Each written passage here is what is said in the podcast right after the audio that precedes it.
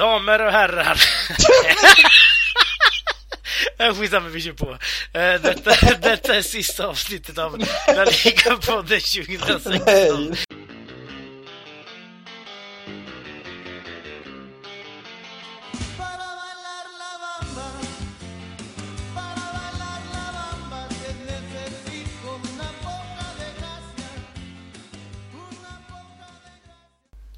Damer och herrar, unga som gamla. Detta är det sista avsnittet av La Liga-podden 2016 och ni ska känna er så innerligt välkomna till det svåra och även ångestfyllda finalavsnittet. Eh, I årets sista podcast ska vi bland annat prata om Atletico Madrids misär i La Liga just nu. Eh, vi ska även kolla lite grann på Europalottningen och eh, Ballon d'Or-utdelningen som ägde rum i måndags. Och vi kommer också att summera kalenderåret 2016 i del två av det här programmet. Eh, Daniel Jakobsson heter jag och med mig som vanligt har jag Sam Saidi som jag faktiskt kommer att fira jul med denna gång men i en helt annan miljö än hemma i Sverige. Eh, vart ska vi Sam? Ja, hej förresten. Ja, hej, hej. jag försöker återhämta mig. Jag har, jag tryckt, jag har tryckt, tryckt ner mute-knappen. För er som inte vet så har vi, ja, det blir lite, lite, vad ska man säga, det blir lite barnsligt när det bara blir Ja, det blir faktiskt Ja, precis. Innan podden och innan sändningar så blir det mycket, mycket skoj och det är svårt att komma igång. Så det här introt, det, det, det låter smidigt för er men det tog lång tid innan vi kom igång faktiskt. Så att, eh, Ja. jag ska försöka inte hamna i så här skrattanfall. Men ja, jag ska svara på din fråga. Eh, vad var det nu? Vi, vart vi ska vi ju? Ja. Ja, just det. Vi ska ju till Iran du och jag. Ja. Se där, det är lite, ja, kanske vi kan få in någon fotboll också i Iran. Det vore ju trevligt. Vi har ju lite Spanien-profiler som eh, Har vi det? faktiskt har, ja men inte kanske som spelar där just nu, men jag tänker, vad heter de? Massoud Shoai och Nekonami Ja, Osasuna det. är ju Iran-profiler. Javad. Ja. Ja, lagkap, lagkapten och allting. ja, till och med han var ju lagkapten när han kom tillbaka där också. Han var ju bara där en säsong sen. Eh, Mm. Precis. 2014 eller någonting liknande. Ja, Eh. ja, det, blir, tre- det blir en trevlig jul tror jag. Eller Ja, ja det, det hoppas jag. Eller det tror jag också för den delen, ska jag säga. Ja. Jag har ju aldrig varit där, men eh, du får visa mig runt i kvarteren. Ja, säga. jag har ju knappt varit där själv. Nej, men det, det, det, är bra. Eh, Men eh, som ni kanske har förstått så är det ju bara jag och Sam då, eh, i och med att Sam sa det också. Och vi, vi brukar göra så när det är sista avsnittet för säsongen eller året, eller det första för säsongen eller året. Så att när vi är tillbaka igen i januari så är det ju bara jag och Sam igen då. Får se om det är lika flummigt då också. Men vi- kör på som vanligt, försök i alla fall. Och eh, vi börjar med veckans fråga som vanligt. Eh, som denna gång är inskickad av Hanna Lindqvist till våran Facebook. Eh, hon har skickat in frågan till alltså våran Facebook-sida, men ni kan även göra det till laligapodden gmail.com. Eh, skicka era ämnen, frågor, synpunkter och så vidare dit eller till våran Facebook så tar vi upp det eh, ja, nästa år helt enkelt. Eh, men Hannas fråga lyder i alla fall så här. Den är egentligen riktad till dig också, står det här Sam, eh, i mejlet. Eh, eller i meddelandet då, att eh, Ja, frågan är så här. Det känns som att Barcelona inte har lika stor laganda som Real Madrid. Kan det vara för att Barca ligger sex poäng bakom Real eller vad är det Barcelona saknar, Sam? Ja, det, häng, det hänger ju ihop lite med det vi diskuterade förra veckan. Ehm, där, där det har blivit lite omvända roller, där Real Madrid kanske de senaste, skulle säga tio åren, eh, alltid har saknat det här lagbygget som Barcelona däremot har haft. Men nu har, har det blivit ett plats, platsbyte på den fronten och jag, jag delar Hannas eh, analys eller observation om man ska kalla det så. Att eh, den känslan är nog ganska befogad. Real Madrid är ett mycket starkare kollektiv. Man jobbar mycket mer som ett lag medan Barcelona kanske förlitar mer på den individuella skickligheten eh, än vad Real Madrid gör för tillfället. Fast det var liksom tvärtom bara för några år sedan. Och jag tror att det hänger nog inte ihop så mycket med eh, liksom poängavstånd eller att man kan hitta liksom en slags empirisk fakta ur den synvinkeln utan snarare skulle jag vilja knyta an till den här äh, eh, diskussionen kring Barcelonas mittfält där, som vi pratade om förra veckan där som har liksom fått en helt annan roll. Och Barcelonas mittfält har någonstans varit liksom hjärnan och hjärtat i, samtidigt i det här lagbygget. Och när Xavi lämnade och när Iniesta till exempel hamnar på skadelistan eller frånvaro en längre tid, då tappar Barcelona väldigt mycket av sin identitet. Och det märker man framförallt på Busquets som, man, som inte riktigt går att känna igen. Eh, och jag tror någonstans att när Barcelonas mittfält inte fungerar eh, och så, så tror jag också att, den här, att, att laget Barcelona inte heller mår, så, eller mår riktigt bra. Att det kan bli lite haf, hafsigare spel, det kan bli lite mer djupa dalar och höga toppar. Medan det kanske under den här mittfältseran, om vi får kalla det så, Um, med liksom stark possession-spel där man kontrollerar matchen. Alltså var det en helt annan stabilitet. Även om inte målskyttet fungerade eller försvarsspelet så fanns det någon slags stabilitet att luta sig bak på. Ja, alltså jag tänker, du, du, jag antar att du menar tillbaka på det här med Xavi, Iniesta, Busquets mittfältet där någonstans. Så det, den mm. lagandan var starkare då. Men alltså jag tänker så här, har lagandan egentligen så mycket med det här att göra just problemet i Barcelona just nu. För jag tänker det, är ändå, det finns ju ändå en kontinuitet i laget, även om man har några nya spelare. Um, Real Madrid har ju en väldig kontinuitet såklart i och med att de inte värvade någonting här i somras. Uh, så, så, jag vet inte vad problemet är, men du, du kanske sätter ordet på det. Uh, men laganda vet jag inte om jag håller med om att det ska vara fel på Nej, nej men det beror också vad man menar med laganda. Jag tror, alltså den här det är en liten svårtolkad fråga. För någonstans så kan man ju mena att handlar det om hur truppen mår. Jag tror den här Barcelona-truppen mår kanske bättre än någonsin liksom, när det kommer till relationerna i gruppen. Den känslan har alla fått. Jag tror inte det finns liksom någon problem där. Däremot så tror jag att eh, när man pratar om laganda och att liksom jobba för varandra och jobba som ett lag. I den bemärkelsen så tror jag definitivt man kan hitta strukturella problem. Och det hänger ihop lite med, det här, med mittfältsdiskussionen. Men inte, och det handlar inte heller som vi betonade förra veckan om spelarna i sig. För Barcelonas mittfält har liksom på pappret aldrig varit så här bra. Det handlar snarare om att det finns en omjustering i hur man vill spela. Och där ligger ju Luis Enrique bak, eller han är ju liksom har infört en ny dimension med, med inte lika stark betoning på, på, på bollinnehav exempelvis. Och där tror jag Barcelona har hamnat lite vilse. Eh, att eh, när man har varit så vana att kontrollera matchen med, med så starkt possessionspel så tror jag att de perioder i matcherna när man hamnar liksom, när man blir tillbakapressad, då då vet man inte riktigt hur man ska agera. Och utifrån tror jag det verkligen inger en känsla av att vad, hallå, vad händer med lagandan? Hur kan man kollapsa på det här sättet? Eh, så jag delar ju känslan. Eh, och visst, det här är ju spekulation, men ja, genom att jag försöker sätta ord på det på något ja, sätt och jag tror vi kan hitta lösning eller hitta förklaringen någonstans i, ja, i Luis Enriques nya spelsätt. Ja, alltså jag, jag, kan ju bara tänka den bästa lagandan som Barca som jag kan komma ihåg. Det, mm. Det, kanske inte du håller med om, men det var ju på Ronaldinhos tid där när man hade en otroligt stabil backlinje ändå. Uh, alltså jag tänker på Piol, Marquez, mittbackar, Silvinho mm. vänsterback. Uh, vem hade höger? Ole Guer höger? Nej. Belletti var det såklart. Ja. Alltså det, det, var ju en annan eh, stabilitet där bak framförallt. Den finns ju kanske inte nu, även om det är starka spelare där bak fortfarande. Då, men, uh, ja, strunt samma, vi, vi lämnar det och vi tackar så mycket för frågan Hanna. Eh, du har ju även efterlyst att vi ska bjuda in lite mera kvinnliga gäster och det lovar vi att vi ska göra. Eh, det är fel från våran sida såklart, det ska vi göra. Men tack så mycket för frågan. Eh, så går vi vidare tänker jag. Och då ska vi snacka lite grann om Atletico Madrid Sam. Ja, kul. Ja, jag vet inte om Atletico Madrid-fansen håller med dig där. Eh, de fortsätter ju att sjunka här i La Liga. Förlorade ju nu senast mot Villarreal också. Och eh, Diego Simeone har ju snackat lite grann med media och så vidare. Hans son har ju dessutom sagt att eh, hans pappa kommer skriva på för Inter eh, inom en ganska snar framtid. Och det var ju såklart pappa Simeone tvungen att gå ut i media och säga att ja, det ligger nog någonting i det min son säger. Han vill ju såklart inte hänga ut sin son offentligt kanske. Ja. Eh, men vad, rent generellt, vad tycker vi om situationen i Atletico här?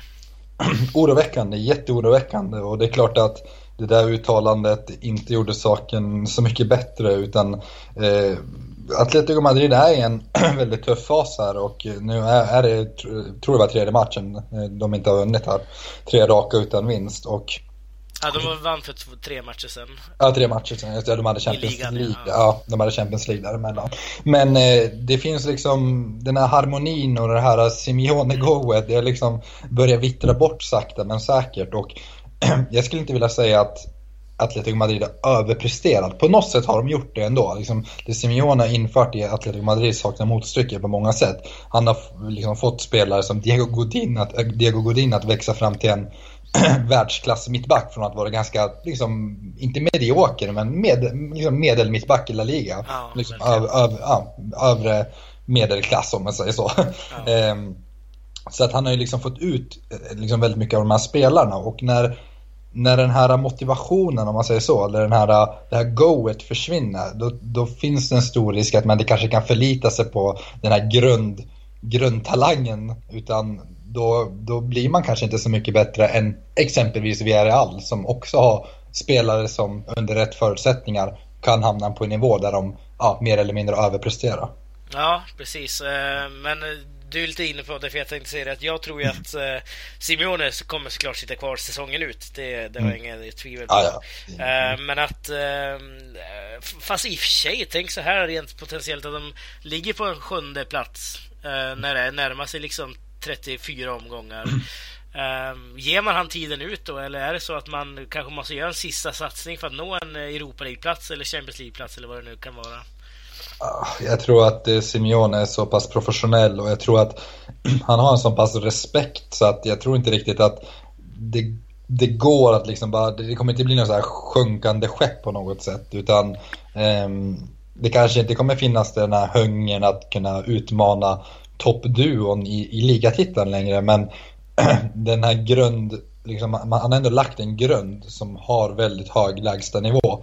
Så alldeles oavsett hur hur, det, hur läget är i Atletico så kommer man ta väldigt många fler poäng eh, alldeles oavsett. Ja, alltså jag tänker också mycket som vi pratar om med Atletico gäller ju deras offensiv ofta, att det är där problemen ofta sitter.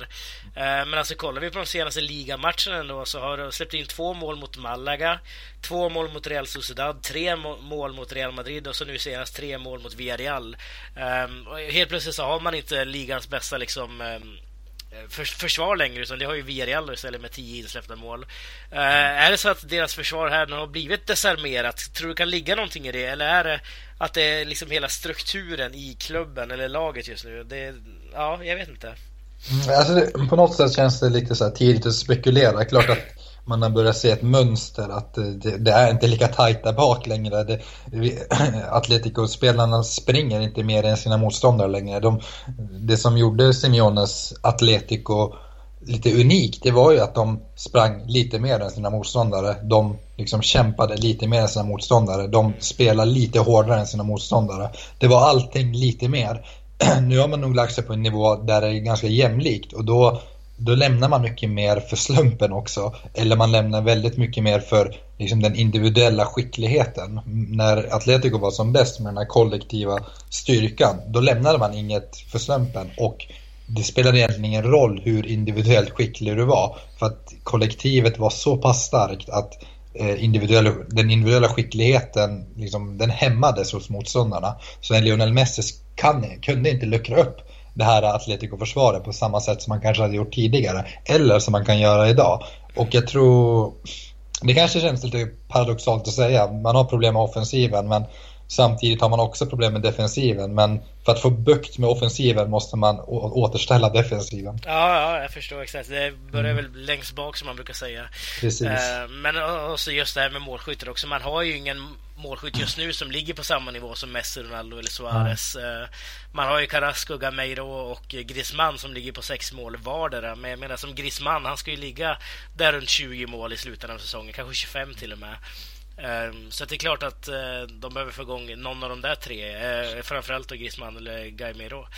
Eh, Men eh, vi ska faktiskt sätta stopp här för del 1 och när vi är tillbaka så ska vi summera kalenderåret 2016.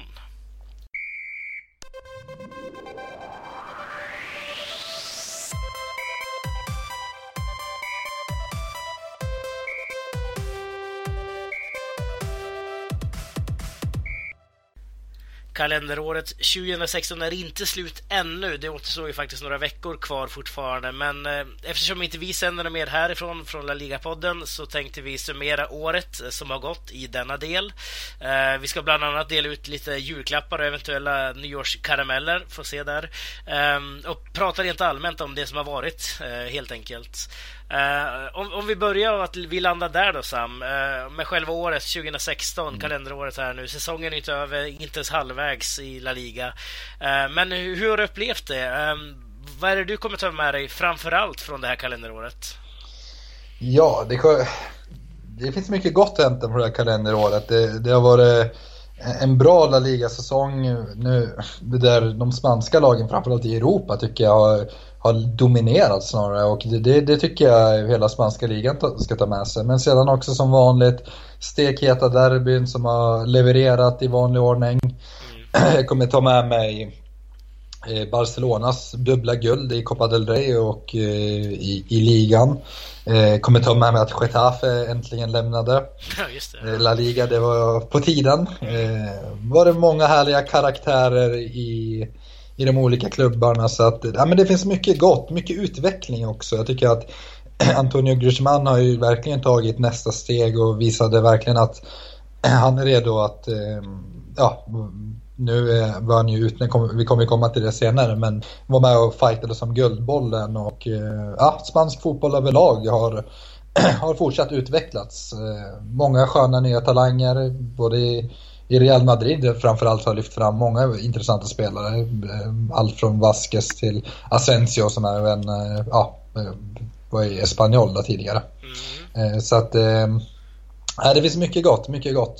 Ja, mycket, det är att... En gott och blandat påse nästan. Ja, verkligen.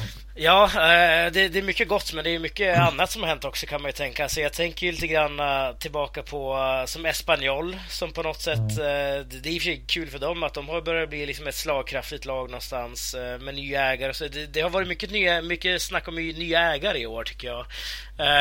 Med Valencia, Peter Lim där och så Espanyol då med kineserna som jag tappar bort namnet på nu.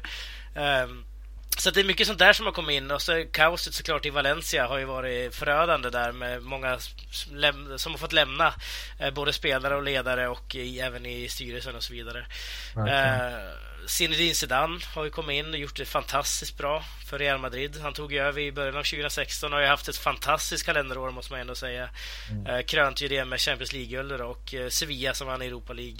Eh, men, men det som har stuckit ut mest av allting ändå i år tycker jag är väl någonstans att den gode och den snygge och den fine och den ärlige Juan Carlos Valeron la skorna på hyllan till slut. Mm. 41 år gammal.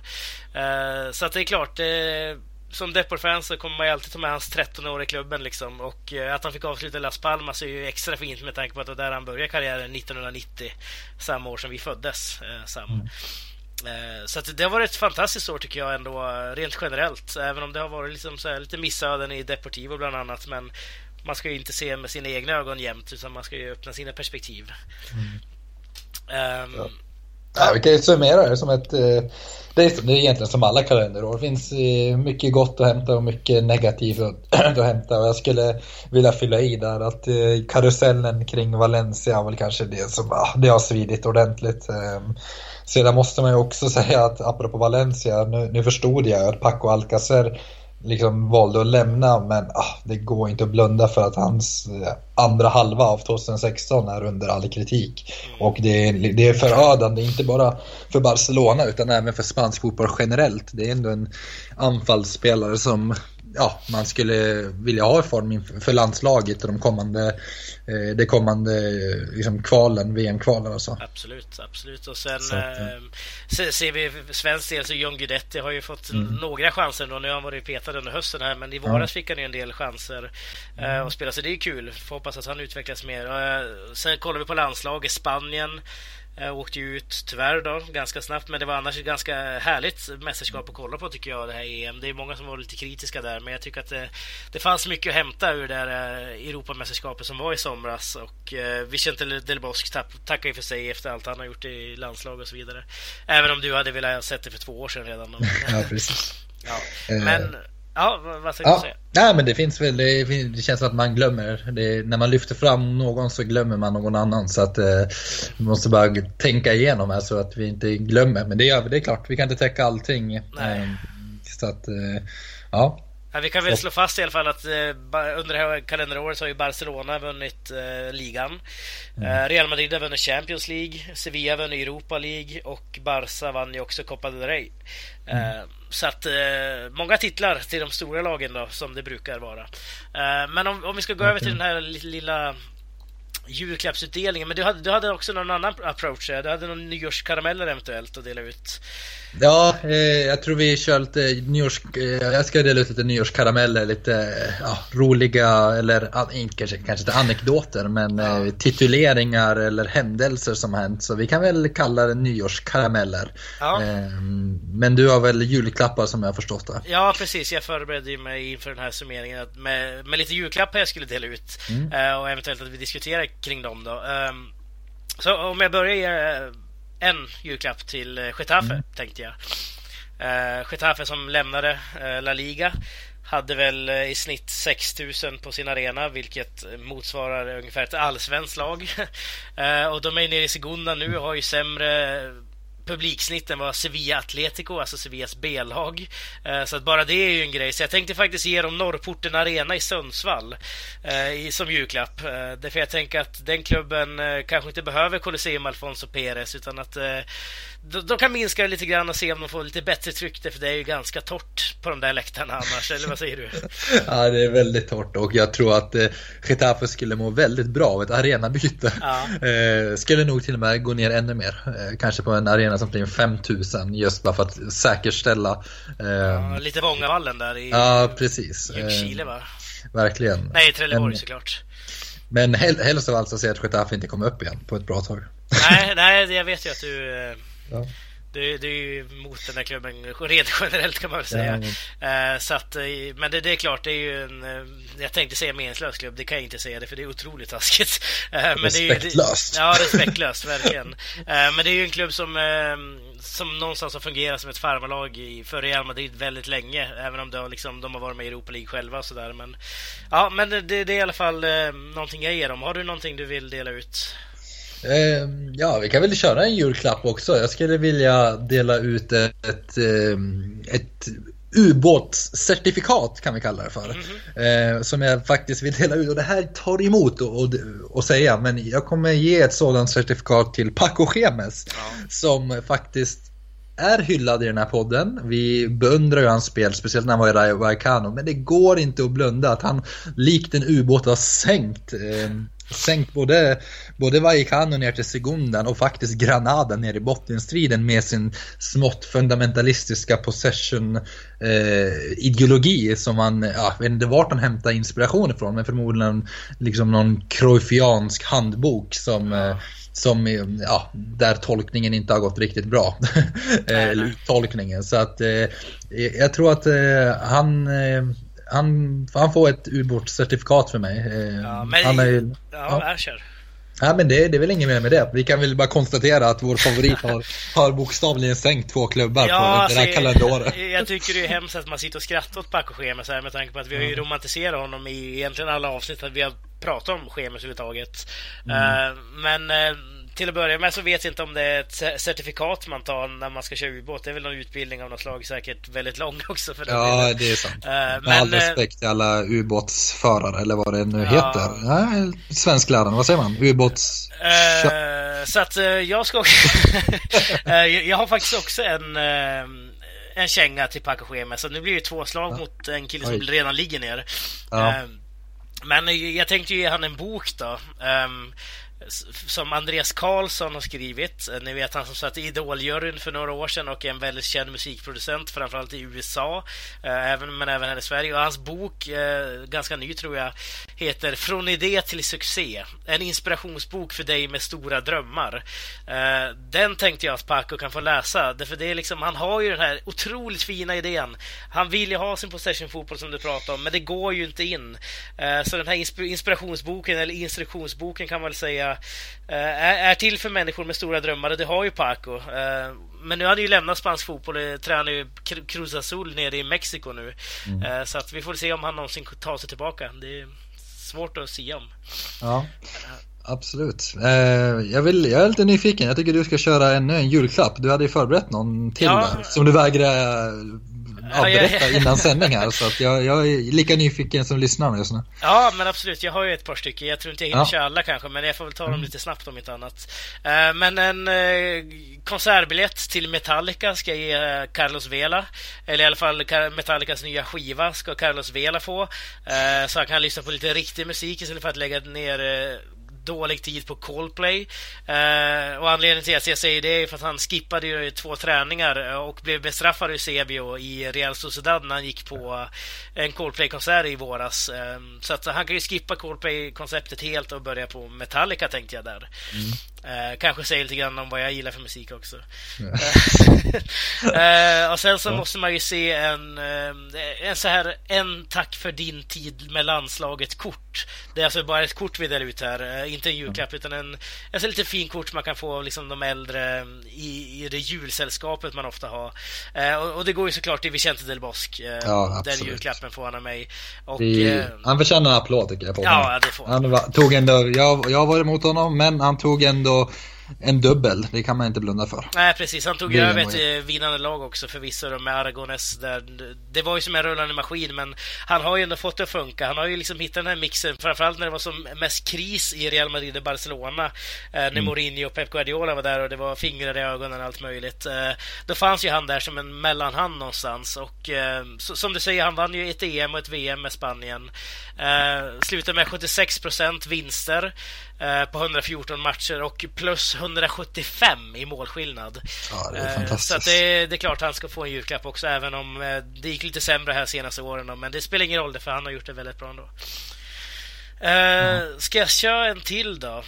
Ja, det kan du göra. Eller jag kan gå emellan där med en Ja. liten nyårskaramell kanske. Ja, kör på. Eh, jag hade ju, ja, jag hade ju egentligen eh, tänkt ge det här, det här hade gått ihop med veckans Tokiero lite för den, den här personen hade jag tänkt ge men i och med att den här, det här avsnittet kommer gå igenom årets Tokiero så, så, så får vi ja, avvakta med, med det här. Men jag, det är därför så delar jag ut det i, i form av en nyårskaramell och det är såklart Sergio Ramos. Alltså, det går inte att blunda för vilken matchvinnare den här Ramos är. Och under det här kalender, kalenderåret, han har inte bara här senast två matcher i rad ehm, ja, kanske nickat in, eller nickat Real Madrid till ligatiteln genom två livsavgörande mål om jag skulle säga så för, Ja, för, absolut. för ligatiden. Men också att han återigen dyker upp där och nickar in sitt andra Champions League finalmål. Det är, inte, det är unikt och jag tycker att eh, Ramos förtjänar hyllningar utöver det vanliga för att han är en,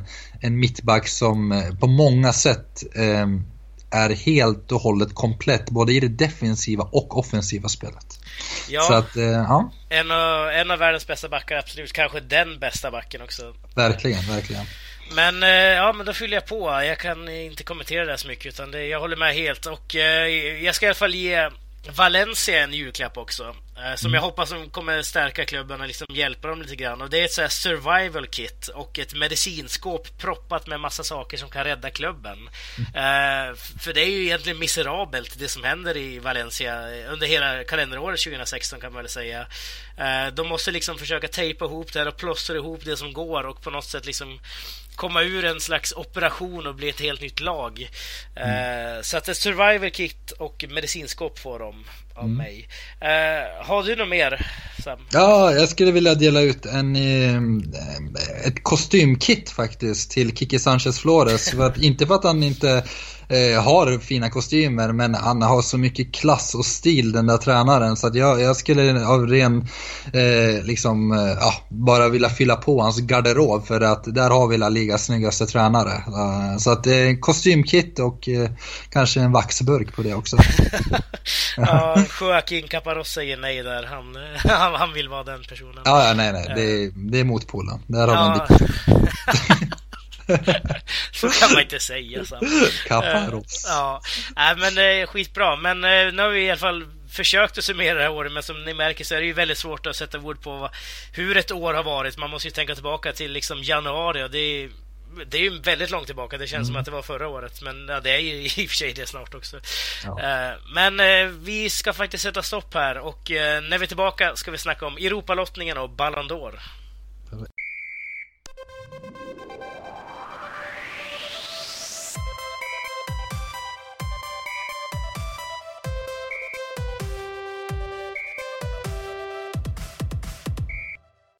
I eh, denna tredje och sista del ska vi bland annat prata om Ballon d'Or-priset som gick till Cristiano Ronaldo. Eh, men jag tänkte att vi först skulle landa i eh, ursäkta, i Europa League-lottningen som ägde rum i måndags. Eh, samtliga lag, eh, spanska lag alltså, gick ju trots allt vidare i både Champions League och Europa League. Eh, trots att vi hade lite farhågor om bland annat Celta Vigo då, förra avsnittet. Men de tog sig vidare i alla fall. Och eh, lottningen eh, låter så här då i Champions League. Jag tror kanske de flesta har sett det redan, men eh, Paris möter ju då Barcelona igen. Eh, Real Madrid möter Napoli och Bayer Leverkusen eh, möter Atletico Madrid. Sevilla möter Leicester och eh, i Europa League så har vi då Celta Vigo mot Shakhtar Donetsk. Eh, Athletic Bilbao mot Apoel och eh, Villarreal mot Roma. Uh, nu när jag slänger upp de här uh, matcherna här till dig Sam, uh, vad tycker du rent generellt om lottningen?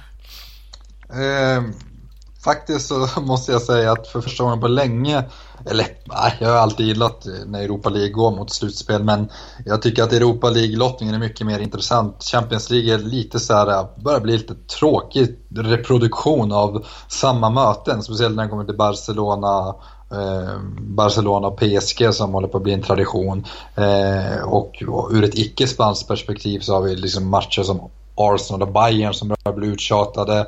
Eh, visst, kul, Real Madrid-Napoli är väl, sticker väl ut lite men ja, Leverkusen Atletico samma som förra året. Så det, det, det, är lite så här, eh, man har lite blandade känslor att, att Champions League håller på att urholkas lite men eh, det, det, det är en, kanske en diskussion i sig, men bra lottning ändå för de spanska lagen. Jag tror att eh, ja, samtliga fyra lag i Champions League har stora möjligheter att ta sig vidare till nästa runda. Absolut, och i Europa League tycker att det ska bli väldigt kul att se framförallt Villarreal-Roma som jag tror kommer bli en fantastisk match med tanke på att Roma har ju verkligen hittat rätt den här säsongen, ligger på andra plats i Serie A. Eh, vi vet ju att Villarreal också är på gång den här säsongen, spelar en otrolig fotboll med stabilt försvarsspel. Ja. Eh, så att det, det, finns många godbitar, kul med Celta, ja det finns mycket att säga.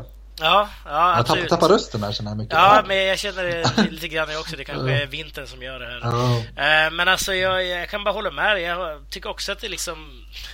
Det är ju inte det här liksom glöden, åh nu har Champions League-lottning kommit. Utan jag satt inte ens och kollade på Champions League-lottningen. Det brukar, jag, jag brukar alltid vara liksom fast vid TV när det, när det är lottning i Champions League. Eh, men det är ju ungefär som du säger, det är samma lag. Man vet någonstans vart lottningen kommer hamna. Man vet att Paris kommer få möta Barca i dubbelmöte. Eh, Alltså om det inte är åttondelsfinal så är det kvartsfinal liksom. Um, men eh, annars, det är kul för Sevilla såklart att de är vidare. Där hoppas och, jag... Och få en bra lottning. De får en bra lottning, det får de absolut. De möter ju dock eh, Englands bästa lag i och med att de vann i Premier League i fjol. Då. Eh, om man nu får kalla dem för det, Leicester, med tanke på att de går lite, lite sämre i år. Då. Men eh, Absolut, Sevilla tror jag kan, eh, med rätt lottning, så kan de nog gå ganska långt här. Slår de Leicester bland annat då. Eh, men i Europa League så, det, det var ju lite synd det här att alla spanska lag eh, slutade tre eller tvåa i sin grupp i Europa League. Därför då fick de ju väldigt tuffa, tuff, tuff lottning allihopa. Bäst lottning kanske ändå vad ska man säga, Athletic Bilbao kanske fick dem när de fick Apoel där. Men Shakhtar vann väl alla matcher tror jag i sin mm. grupp. Ja, det gjorde de. 18 poäng på sex matcher, 21-5 i mål. Jag tror att det kan bli väldigt tufft ändå för ja. Celta. Eller vad tror du?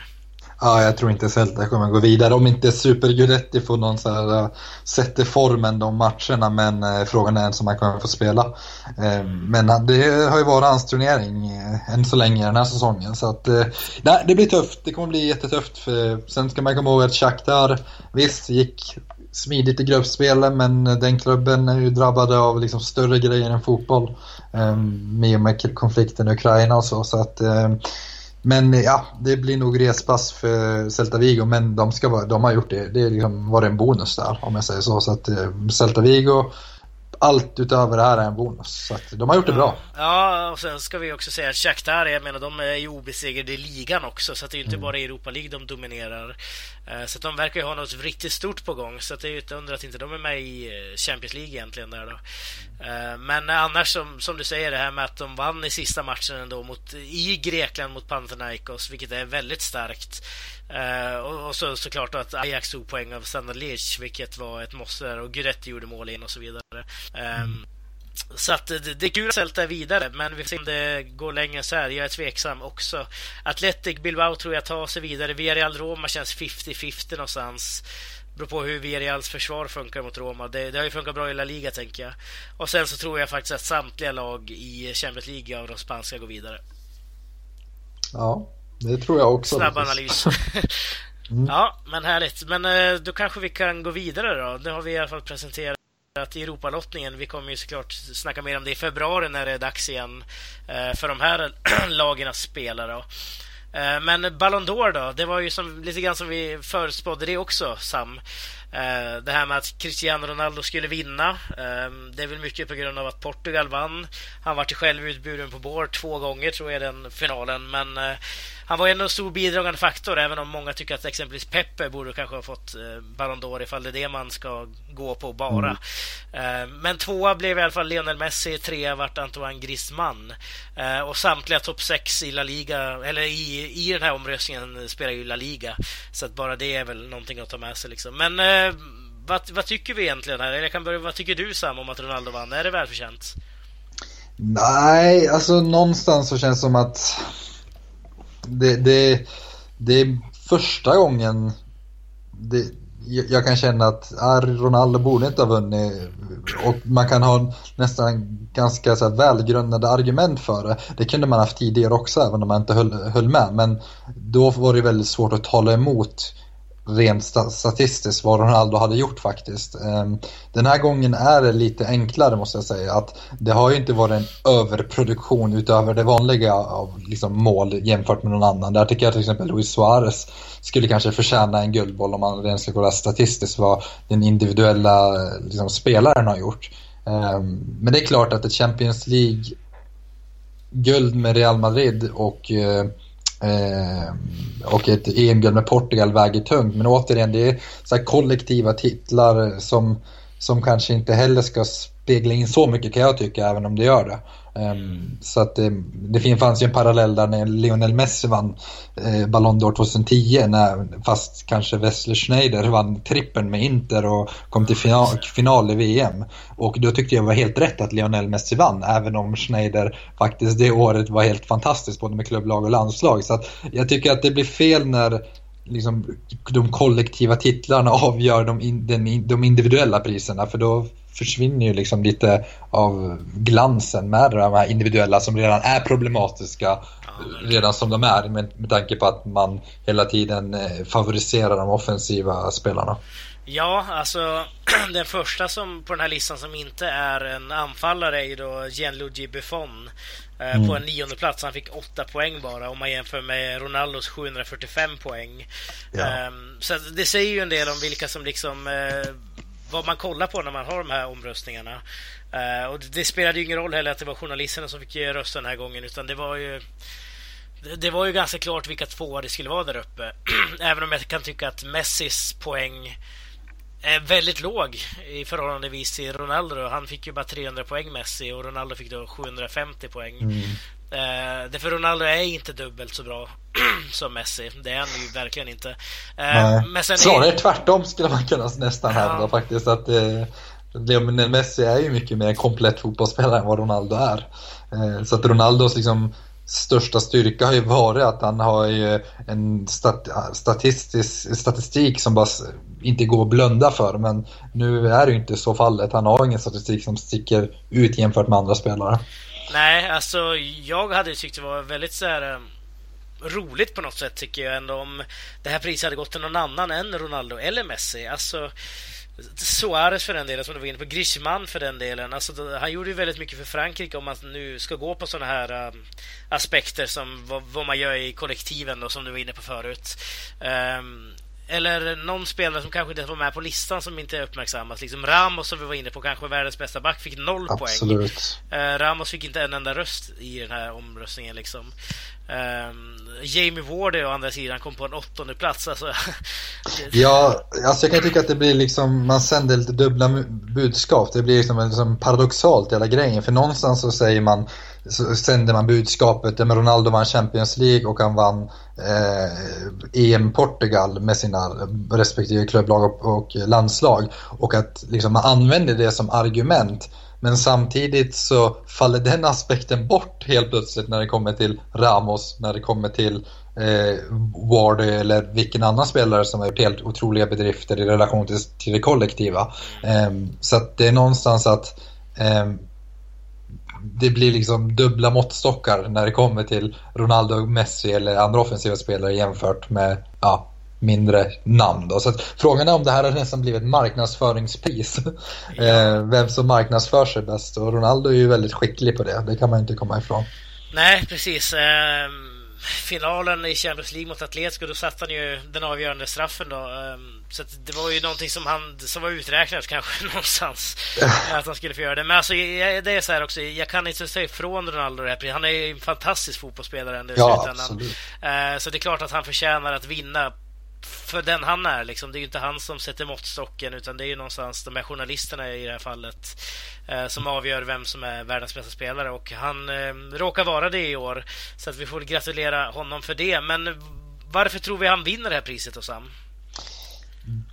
Ja, det är återigen den här paradoxen. Jag tror man tittar mycket på det kollektiva och nästan att det har blivit en tradition av att det, det ska vara Ronaldo eller Messi och sen så pågår det så här kampanjer och eh, nu är det klart inte bara kampanjer på det sättet som avgör men det är ju de två spelarna som är liksom den här planetens mest kända och liksom omtyckta spelare. Av, inte för att de inte förtjänar det, men just för att de är Ronaldo och Messi. De gör mycket mål, de gör mycket produk eller producerar mycket poäng. Eh, de spelar för varsin antagonist, liksom Real Madrid kontra Barcelona. Så det finns mycket symbolik, men eh, om man verkligen gör en kvalitativ granskning av det här, alltså är ju inte Ronaldo världens bästa fotbollsspelare.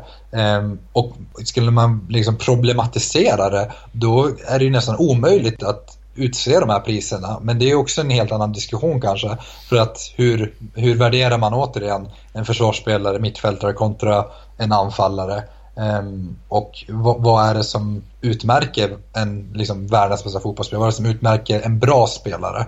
Uh, det är också svårt att säga. Men om vi tittar på Ronaldo i det här fallet då, som har vunnit, som nu är världens bästa fotbollsspelare, så är det svårt att liksom när man tittar på de här avgörande situationerna, alltså till exempel Champions League-finalen, han var ju rent ut sagt bedrövlig den finalen. Jag tror jag aldrig sett Ronaldo så dålig i en fotbollsmatch. Eh, liksom, det påminner väldigt mycket om Didier Drogba 2012. Eh, som var också väldigt bedrövlig i spelet. Ändå så står han där och nickar i en kvittering mot Bayern. Han avgör mot Barcelona i semin. Eh, och då blir man lätt blind av liksom, den situationen där han avgör och sen så missar man helhetsbilden och man reducerar ofta liksom, ja, vissa händelser och inte får den här holistiska bilden. Så att ja, det, det är svårt. Det är svårt att, ehm, för mig i alla fall, att ta in att Ronaldo skulle vara världens bästa fotbollsspelare. Men då är jag också färgad av min ryggsäck. Så är det ju såklart. Det är vi, vi alla vi kommer in med en subjektiv åsikt. Annars skulle det vara väldigt konstigt om vi bara tycker som alla andra gör. Mm. Uh, men uh, roligt är det i alla fall kan man säga att eh, åtta år i rad har ju priset gått till en La Liga-spelare. Kan man ju ja. slå fast. Det kan vi ta åt oss sen. Ja, precis. Det är tack I den här podden. ja. Vi, vi, ja. Men eh, senast någon eh, utanför La Liga vann var ju då um, 2008 och det var ju då Ronaldo när han spelade med Manchester United. Eh, år innan det då, någon som inte var Ronaldo eller Messi var ju, så, ja, som du sa, Kaká eh, 2007. Men eh, härligt. 2006? Uh, 2006 Cannavaro, därför då var det ju Snyggt. VM. Och 2005? Ronaldinho. 2004? Michael O... Nej, Shevchenko. Ronaldinho igen! Alltså, ja, han vann det två i rad. Okej, ja, ja, då så. Sorry, jag ska inte förhöra dig. Ja, det är bra. Ja. Eh, men Michael Owen har vunnit någon gång också för mig när han spelade i Liverpool. Men strunt samma. Um, Sam, eh, vi tippar ju ingen um, match denna vecka i och med att vi inte sänder nästa vecka. Eh, så vi droppar ju den den här veckan då, tänkte jag. Och hoppar direkt på din lista, veckolista. Det är ju inte en veckolista den här gången, utan det är ju en årslista. Alltså årets och er årets vad Det bästa som hänt och det sämsta som hänt det här året. Kör! Det här kalenderåret är värt att lägga till. Ja. Så att jag var inne på det förut, jag vill inte fördjupa mig för mycket i det, men årets Tokiero givetvis den spanska dominansen. Det, det är få förunnat att få uppleva, ja, vi som driver en La Liga-podd och sen så ja, vi är ju högst upp på piedestalen rent liksom när man kollar på kvalitetsmässigt de spanska lagen men också vad som faktiskt result, ja, vad, vad, som produceras och resultaten av, av de spanska lagen i Europa. Vi, Spanien vann både Champions League med Real Madrid och det är Sevilla som återigen vinner Europa League och det här är ett mönster som liksom ja, har funnits de senaste åren. Det har varit Barcelona innan Real Madrid, Atletico innan Barcelona och så har vi gått runt sådär lite med få undantag. Och samma sak i, i Europa League. Så att eh, den spanska dominansen får bli helt enkelt årets Tokiero och eh, ja, det ska spansk fotboll och tränare och alla inblandade, vi har inte så mycket med det att göra i sanningen. I sanningen. Men eh, alla utbildare och ja, de har gjort ett bra jobb. Så att, Verkligen. Den spanska klubbfotbollen får vi väl säga. Ja, men vi får väl ändå tillägna oss vi i det här fallet som du säger. Ja. vi påverkar säkert på något sätt. Precis, den spanska fotbollsfamiljen. Vi ska liksom förena även Barcelona-supportrar på svenska fans med Real Madrid-supportrar och andra antagonister. och se liksom familjen. ja, just det. Ja, år, årets Faubert då? Årets Faubert kommer gå och det här, det här kanske är lite hårt men det här är en person. Det är en person som var, det är klart en person, annars vore det konstigt, men som eh, inte hade så långvarig sejour i, i La Liga, men han, hans sejour satte ett så pass liksom, stort avtryck att det går inte att blunda för att den här personen får bli årets Faubert. Inte bara liksom veckans Faubert utan hela 2016 års Faubert. Så illa var det här. Och jag tror många, om, om, om ni lyssnar nu tänker efter, kan komma på vem det här är. Gary Neville. Det måste ha varit det kanske La Ligas sämsta liksom, värvning någonsin på tränarfronten. Liksom, det här är Faubert-klass rakt igenom. Eh, det är så illa och det är lite orättvist kan jag säga för det här hänger ihop med Valencias liksom djupare problem. Men på något sätt så blev han symbolen för den misär och tragedi som Valencia någonstans går igenom. Eh, men Gary Neville var verkligen en katastrof på många, många sätt. Eh, inte bara liksom det han gjorde på planen och det lilla Valencia snarare sagt inte gjorde på planen. Eh, utan även på hur han skötte sig runt om. Han åkte iväg på weekends hit och dit. Han tror inte han lärde ett enda spanskt ord under sin sejour i Spanien. Det fanns liksom ingen glöd. Eh, så att eh, ja, det, det, kommer bli en legendarisk liksom, anekdot att återberätta när vi sitter i den här podden om fem år. Kommer ni ihåg Gary Neville? Ja, det gör vi. Ja, alltså jag, jag, jag väntar ju bara på att fot, Football Leaks ska komma och eh, avslöja varför Neville fick det här jobbet till att börja med. Um, i, vi har nästan varit inne på de här konspirationsteorierna tidigare. Ehm, men med det här med Salford City, att han äger en del av det och att Peter Lim äger 50% av den klubben. Um, och hela den här grejen. Och det är lite kul att han får det här priset då med tanke på att han var tränare i tre månader under, av tolv möjliga. Men mm. han satte ju ett väldigt starkt intryck på oss ändå i en negativ bemärkelse kan man ändå säga. Höll inte nollan en enda match trots att han är gammal försvarsspelare själv. Vann väl ja. tre av 16 matcher och så vidare uh, i slutet ja. där. Men ja, absolut, jag köper din uh, lista helt. Året, ja. Sedan så kan man väl också lyfta hatten för det kan vi inte göra om vi tittar på kalenderåren. Om vi går tillbaka till Tokiero. Vi, vi har ju pratat lite om Zidans tur men hans kalenderår går inte heller att blunda för så att vi har en liten parentes där. Ja, absolut. Det köper jag. Men eh, hörru Sam, hörru ja. du. Eh, nu ska vi faktiskt avrunda här. Eh, sluta det och eh, det har varit jättetrevligt tycker vi. Nu pratar jag för oss båda här. Att eh, ni har varit med oss hela det här kalenderåret. Uh, nu tar vi då ett uh, break på några veckor. Två, uh, tre, fyra kanske det blir till och med. Tre veckor kanske. Mm. Så är vi tillbaka igen någon gång i januari. Håll utkik på vår Facebook-sida. Där skriver vi flö, flytande, tänkte jag flödande. Vad, vad säger man? löpande. Löpande ska jag säga. löpande. Ja, där skriver vi löpande vad som pågår och vi kommer meddela där när vi är tillbaka. Eh, men skicka gärna, fortsätt skicka era frågor till laligapodden gmail.com. Eh, era frågor, ämnen och synpunkter eller droppa ett meddelande till oss på Facebook. Eh, det uppskattar vi väldigt mycket. Vi har fått väldigt härlig respons och den är väldigt fin och vi blir väldigt glad av detta. ska vi säga, det kanske inte uttrycker igen, men vi är väldigt glada att ni följer oss och vill vara engagerade i det vi gör. Mm att, ja, vi, vi, vi välkomnar också tips på vad vi kan förbättra och Absolut. om det finns några gäster ni vill, specifika gäster som ni skulle vilja att vi ska bjuda in så det, alla tips är välkomna helt enkelt. Absolut, så är det alla verkligen. kommentarer. Inkluderande jobbar vi. Eh, verkligen, så gör vi. Och eh, nästa gång vi hörs så kanske det är i ett annat format också. Eh, ja. Det har vi, inte, det, vi ska inte avslöja helt och hållet vad det är, men ni får mm. höra det då och se då vad som händer med den ligapodden. Om den fortfarande heter det, det vet vi inte. Ja, men det gör den. Ja, det okej, det, det göra. det var dramatiskt att vi ska göra små justeringar. Ja, ja. ja men ja, vi, vi avslutar här tror jag. Tack så mycket för oss. Tack ja. för i år. Hej då! God jul och god tack, tack, hej. Ja, hej.